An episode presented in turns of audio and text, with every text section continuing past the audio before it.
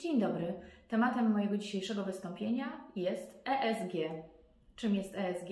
Jest to Environmental, Social and Corporate Governance, czyli aspekty e, środowiskowe, aspekty społeczne oraz ład korporacyjny w przedsiębiorstwie. Są to dane, które są danymi niefinansowymi, ale które mogą być opublikowane przez spółkę i które mogą pomóc tej spółce zarówno w znalezieniu inwestorów, jak i w pozyskaniu przewagi konkurencyjnej, jak również w na przykład dotarciu do, do konkretnych odbiorców. W jaki sposób można dzięki temu dotrzeć do konkretnych odbiorców? Jako przykład można ustalić, jakimi zasadami, jakimi wartościami i jakie mają cele Twoi partnerzy biznesowi, Twoi partnerzy, którym na przykład dostarczasz produkowane przez Ciebie, oferowane przez Ciebie produkty. Jeżeli wiesz, jakimi celami kieruje się firma, na przykład jeśli chodzi o obniżenie emisji CO2, czy na przykład obniżenie e, liczby produkowanych odpadów, a wiesz, że Twoja spółka produkuje określone produkty, które, którymi możesz e, zainteresować tego rodzaju przedsiębiorcę i trafisz z tym produktem w cel, jaki ten przedsiębiorca określił właśnie na przykład w raporcie ESG, to wówczas możesz zyskać przewagę konkurencyjną i możesz y, rozpocząć współpracę na wiele lat. Jak w praktyce odnieść się do kwestii tego raportu, w jaki sposób on, w jaki sposób ma być publikowany, jakie tam dane mają być zbierane? Przede wszystkim y, też trzeba podkreślić, że ten raport jest jednym z elementów y, obecnego zarządzania organizacją. Tak trzeba do tego podejść.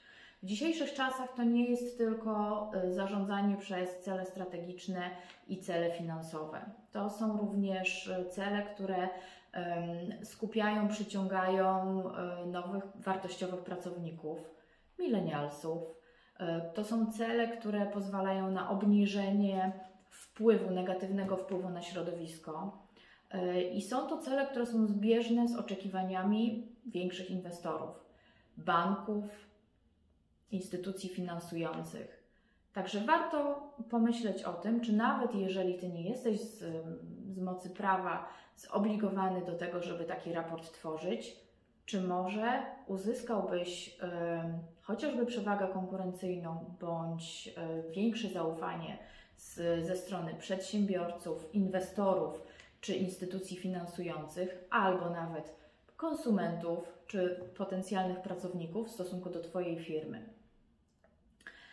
Raportowanie ESG w zasadzie można powiedzieć, że staje się źródłem, inwesty- źródłem decyzji inwestycyjnych oraz konsumenckich, e, dlatego że z niedawnych danych wynika, że już co trzeci inwestor patrzy, zwraca uwagę na raporty ESG, na ich treść, treść tych raportów publikowanych przez spółki. Mm, poza tym wydaje się, że w tej chwili warto mieć przemyślaną strategię w zakresie wpływu i na środowisko, i na pracowników, na e, otoczenie społeczne i biznesowe, jak również e, pamiętać o tym, że zarówno polityka, na przykład polityka wewnątrzkulturowa, polityka, polityka biznesowa, polityka sprzedaży, polityka handlowa, to wszystko wpływa na ład korporacyjny i to wszystko może dać Ci przewagę mm, biznesową, przewagę konkurencyjną. Są pewne wytyczne do raportowania ESG i, i, warto się przyjrzeć tym wytycznym. To są wytyczne, które są publikowane, są to takie narzędzia w zasadzie, które ułatwiają to raportowanie. I obecnie funkcjonują takie trzy standardy raportowania. Po pierwsze GRI, czyli Global Reporting Initiative. To jest taki naj, najbardziej znany. Jest również SASB, czyli, czyli Sustainability Accounting Standards Board. I tam są, tam jest tak 26 takich szczegółowych zagadnień, które pomogą Ci wybrać obszary tematyczne, bez względu na sektor, w którym Twoja firma funkcjonuje, bez względu na branżę, wybierasz sam obszary, które chciałbyś opisać. I jest również e, IIRC, czyli The International Integrated Reporting Council. Podobnie e, jak SASP, e, GRI też daje takie ramy raportowania w zasadzie dla różnych przedsiębiorstw, nie tylko tych największych, także warto sięgnąć do wszystkich tych e, narzędzi do wszystkich tych dokumentów, które można znaleźć, są publikowane powszechnie w internecie.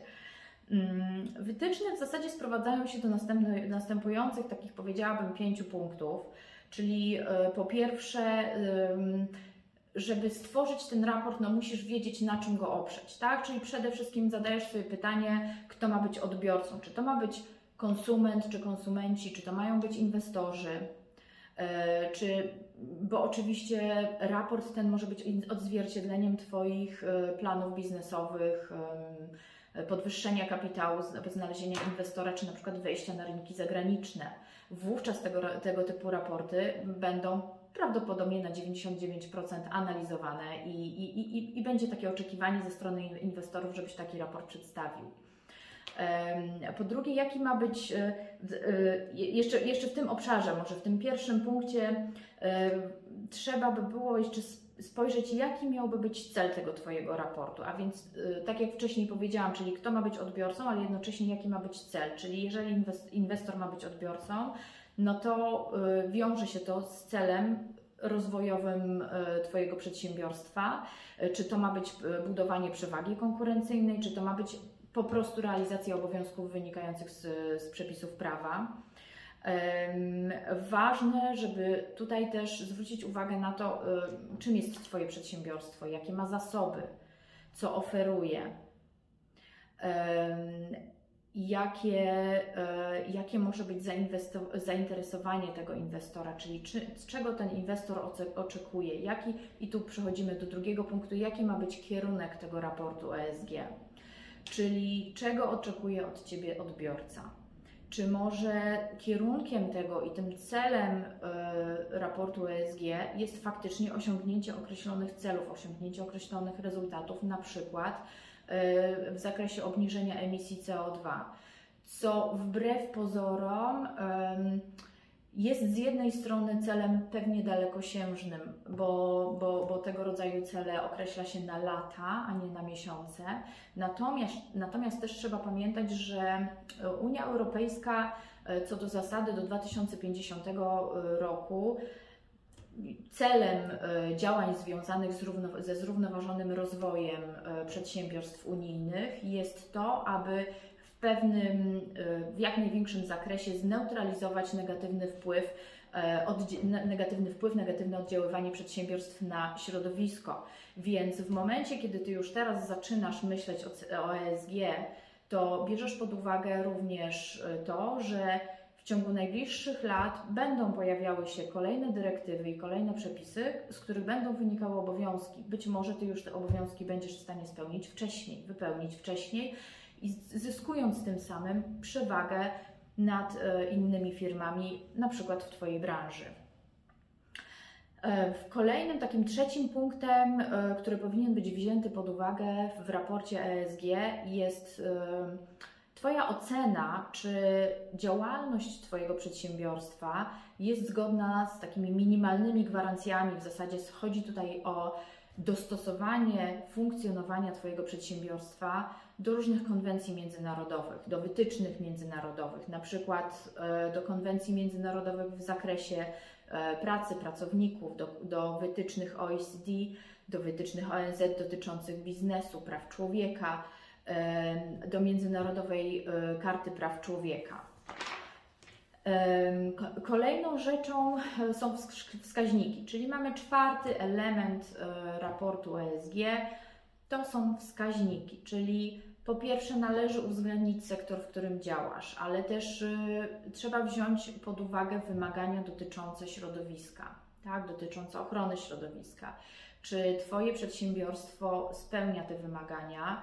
Y, jakie są te wytyczne, jakie są te wymagania, jak również jakie wskaźniki y, wynikają z przepisów prawa. Co więcej, tu nie chodzi tylko i wyłącznie o kwestie środowiskowe, tylko tak jak ESG przewiduje, to chodzi o środowisko, oddziaływanie społeczne oraz ład korporacyjny, a więc na przykład przeciwdziałanie korupcji, a więc na przykład wdrożenie kanałów, kanałów zgłaszania naruszeń, czyli kanałów dla sygnalistów, polityka antykorupcyjna, klauzule antykorupcyjne. Pytanie, czy, czy, czy Twoje przedsiębiorstwo stosuje klauzule e, antykorupcyjne w umowach. To jest kwestia transparentności finansowej, kwestii pracowniczych. E, czy bierzesz pod uwagę wymagania środowiskowe, BHP? E, czy organizujesz jako pracodawca szkolenia dla Twoich pracowników właśnie z tych aspektów, właśnie z tych, z tych kwestii, o których powiedziałam?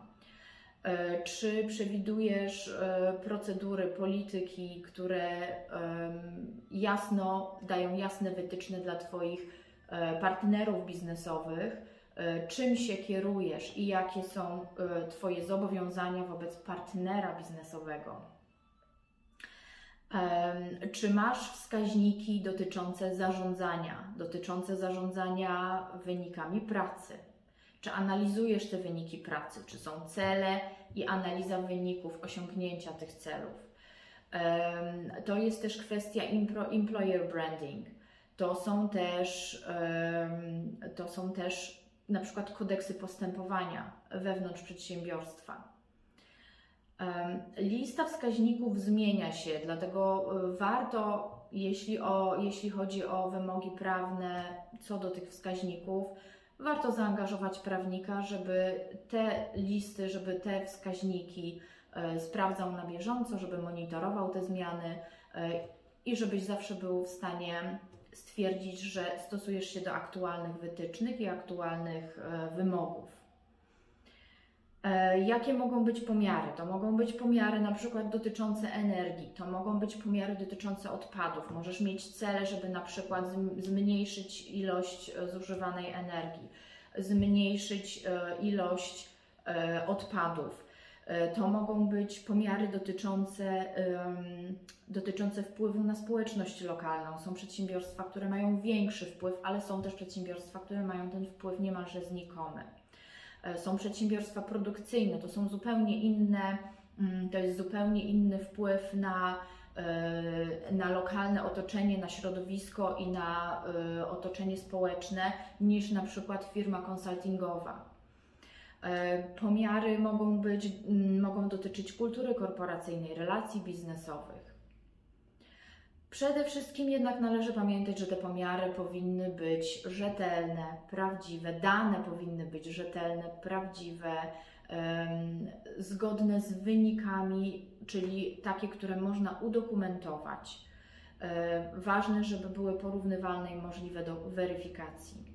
Ważne też, żeby skupić się w raporcie ESG na informacjach najważniejszych. A więc tak jak wcześniej wspominałam, że mamy przykładowo 26 takich e, szczegółowych e, narzędzi czy szczegółowych tematów, z których można skorzystać, tak jak wspominałam o SASB, to nie chodzi o to, żeby ten raport e, każdorazowo był na 100, zawierał 100 czy 200 stron opisu dotyczącego przedsiębiorstwa. Skup się na tym, co najważniejsze, na tym, na co Ty masz największy wpływ, czasem największy wpływ pozytywny, czasem negatywny. Jeżeli negatywny, określasz sobie wówczas cele zminimalizowania tego wpływu negatywnego oraz ramy czasowe. Strategia ESG to właściwie też określenie tego horyzontu czasowego, czyli są e, cele do określenia, jak również jest element tego, co w tej chwili zastajemy. Czyli jeżeli mamy inwestora, który spogląda na spółkę, analizuje jej nie tylko dane finansowe, ale również dane, dane niefinansowe, to jest właśnie ten raport ESG, to wówczas inwestor patrzy, e, zwraca uwagę na to, co zawiera się w kwestii celów i horyzontu czasowego i w jaki sposób już na przykład, bo oczywiście tego rodzaju raporty to są raporty cykliczne, czyli na przykład mamy w 2021, 2022. Te raporty będą się zmieniać stosownie do tego, jakie kroki podjąłeś e, do tego, żeby osiągnąć cel. To jest też historia działań i tej strategii, którą Ty obrałeś oraz zmian tej strategii na przestrzeni lat, na przykład ze względu na zewnętrzne okoliczności typu pandemia czy wojna na Ukrainie. I ostatnia rzecz, o której chciałabym powiedzieć, to to, w jaki sposób, jaką ma formę przyjąć ten dokument. To może być, to może być jednolity dokument, który dotyczy właśnie tych nie, niefinansowych aspektów prowadzenia e, Twojego przedsiębiorstwa. To może być na przykład wkład w, czy dodatek do e, sprawozdania zarządu. W zasadzie sam przyjmujesz formę, wybierasz formę taką, którą uznasz za właściwą w danym przedsiębiorstwie. Na dzisiaj to tyle, jeśli chodzi o, ESG, czyli ESG. Mam nadzieję, że przybliżyłam Państwu takie podstawowe aspekty i zainteresowałam Państwa tym tematem, dlatego że warto zainteresować się tym tematem e, wcześniej, jeszcze zanim to stanie się obowiązkowe dla wszystkich. Dziękuję. Małgorzata Krzyżowska, Alianz Krzyżowska.